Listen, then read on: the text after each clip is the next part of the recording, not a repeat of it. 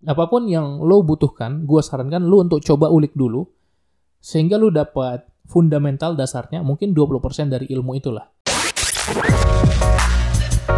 Halo, selamat datang di podcast Cerita Pembelajar. Kamu akan mendengarkan cerita mengenai pengalaman, gagasan, dan pembelajaran.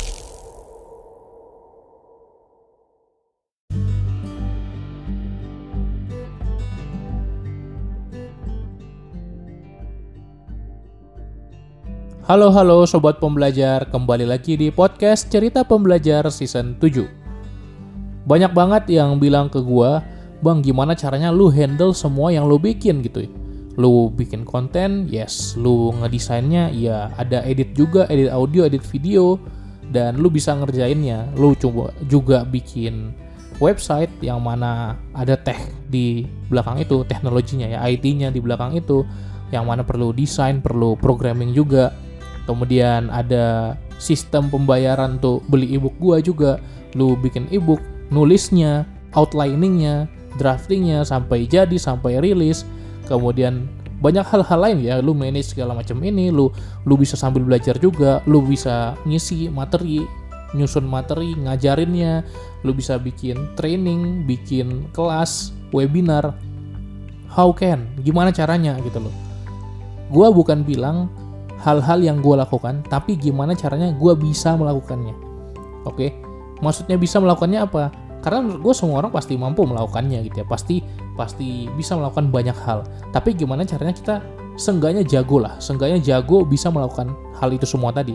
Karena banyak teman-teman gue kreator lain yang mungkin untuk desain logo minta bantuan temannya atau orang lain atau untuk bikin website ya cari freelancer atau cari orang cari jasa yang bisa ngebikinin desain juga, editing juga. Gimana caranya kita bisa jago semua hal? Itu yang akan gue bahas di podcast kali ini. So, kalau lo kepo caranya seperti apa, silahkan dengerin sampai habis. Ini dia cerita di balik jago banyak skills. Cerita pembelajar season 7 The Story Behind Pertanyaannya, kenapa kita harus bisa jago banyak skills? Setiap orang punya jawaban yang beda-beda, tapi ini pendapat gue, pendapat gue pribadi. Yang pertama, gue bisa hemat kan. Sesimpel itu.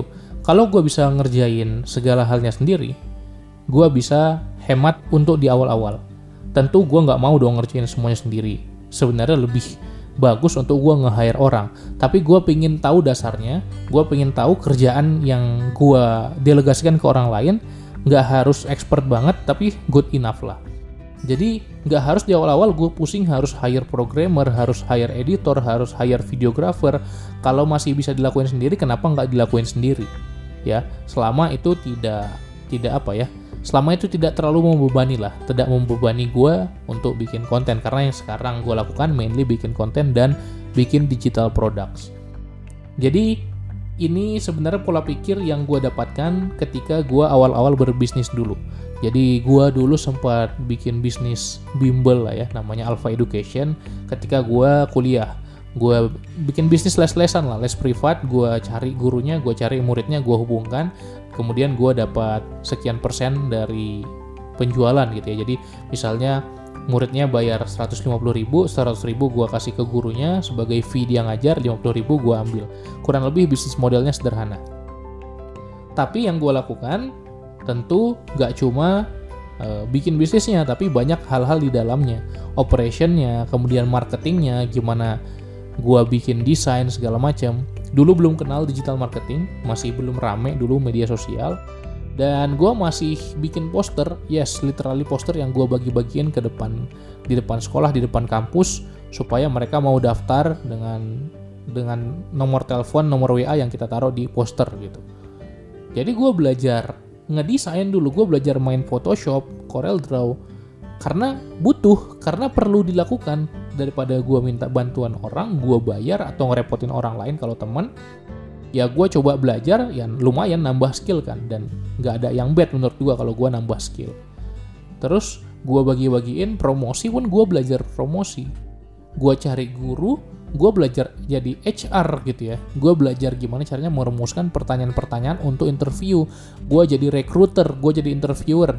Dan itu yang membuat gue merasa wah ternyata bisa loh dipelajari skill-skill ini kalau kita mau dan skill-skill yang gue pelajari itu semuanya karena gue butuhkan kebutuhannya ada di bisnis gue ya udah gue pelajari daripada gue cari orang mending gue belajar gue jadi jago dan gue bisa handle itu serta ketika nanti gue butuh mendelegasikannya, gue bisa ngasih brief yang lebih jelas. Itulah awal mula di mana gue percaya kalau generalis itu bagus gitu. Kalau kita tahu banyak bidang, itu bagus.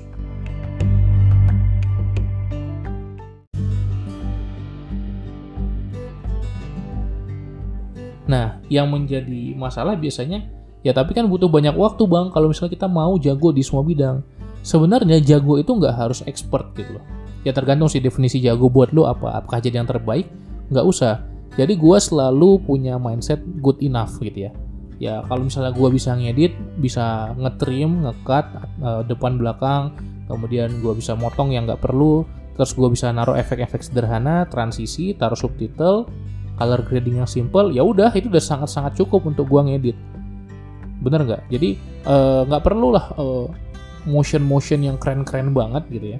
Kalau gue nggak benar-benar mau berkarir jadi editor, kalau gue butuh yang lebih advance lagi, ya udah gue hire orang, gue bayar orang untuk ngelakuinnya. Jadi gue harus cari sebuah titik yang mana gue bisa seenggaknya cukup jago lah di setiap bidang yang gue geluti. Contoh lain misalnya pertama-tama gue bikin podcast, mana ngerti gue cara ngedit-ngedit segala macam, ya udah gue belajar, gue pakai Audacity, ini gue juga rekaman dan editing podcast yang sedang lo dengar itu pakai Audacity. Ya udah gue belajar efek-efek yang sederhana. Gue belajar untuk uh, ngontrol gain. Gain itu volume dari suaranya.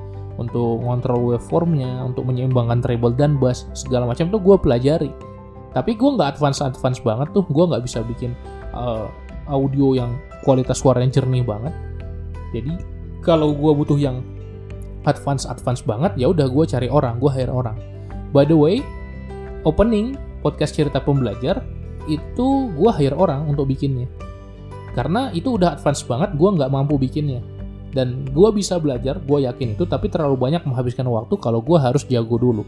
Jadi gue bisa cerdas memahami mana yang bisa gue kerjakan sendiri mana yang lebih baik gue delegasikan ke orang lain karena sekalipun tadi di awal gue bilang lebih baik dikerjakan semuanya sendiri enggak pada akhirnya kita harus delegasikan semua pekerjaan kita yang berulang yang bukan strategik, yang bukan big picture, kita harus delegasikan ke orang lain supaya mereka bisa melakukannya gitu ya. Dan kalau kita punya sense enggaknya ngerti lah apa yang dilakukan, kita bisa tahu mereka bikinnya bagus atau enggak. Dan kita bisa kasih saran-saran dasar. Kalau misalnya kita butuh yang jauh lebih bagus lagi, berarti kita hire spesialis atau praktisi yang jago di bidangnya. Nah itu sih yang gue pelajari ketika gue merasa perlu punya banyak skills dan dari pengalaman-pengalaman itu akhirnya membangun sebuah sistem di mana gue punya banyak skills yang dibutuhkan seenggaknya untuk kerjaan gue sekarang. Contoh web development, gue belajar dari mana? Oke, okay, iya, gue punya background IT itu adalah privilege untuk development website, yes, gue aku itu. Tapi gue nggak pernah tuh diajarin WordPress di kuliah.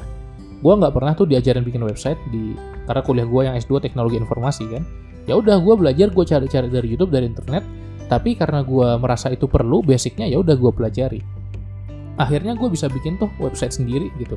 Bisa desain sendiri dan sekarang udah gampang banget tutorial tuh banyak banget. Lu bisa bikin website programmingnya tanpa coding gitu ya. Uh, drag and drop uh, kemudian pakai plugin segala macam itu bisa.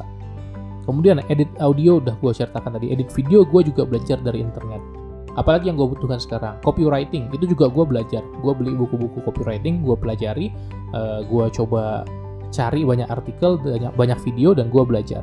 Digital marketing, Facebook Ads, um, Pixel, itu ya itu gue pelajari semua gitu. Yang sekarang gue sedang lakukan yang gue butuh skillnya gue pelajari gue pelajari.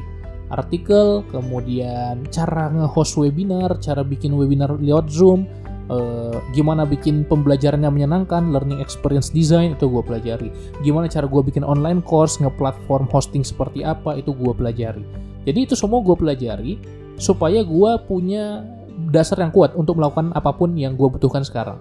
Kalau gue butuh yang lebih advance lagi, either gue belajar lebih dalam atau gue cari orang untuk melakukannya. Tapi kalau gue punya dasar yang kuat, itu udah enak banget ketika gue delegasikan. Apa pun itu. Apa pun yang lo butuhkan, gue sarankan lo untuk coba ulik dulu. Sehingga lo dapat fundamental dasarnya, mungkin 20% dari ilmu itulah. Karena pasti ada yang namanya prinsip Pareto gitu ya. 20% aja yang kita kuasai itu udah 80% dari hasilnya. Kalau kita benar-benar mempelajari yang utama, yang penting. Jadi sekarang kalau gue perlu ngedit video, gue bisa melakukannya sendiri sebetulnya tapi lebih efisien penggunaan waktu gue kalau gue delegasikan ke orang lain gitu. Jadi saran gue coba cari tahu skill-skill yang lo butuhkan apa dan pertama jadi generalis dulu. Coba pelajari banyak hal jadi yes man aja. Kalau ada peluang apa pun ambil ambil ambil. Tapi lama kelamaan baru lo mulai spesialisasi ke satu bidang untuk jadi konsentrasi utama lo itu sih yang gue sarankan dan itu yang gue lakukan yang gue alami berdasarkan pengalaman pribadi gue sendiri.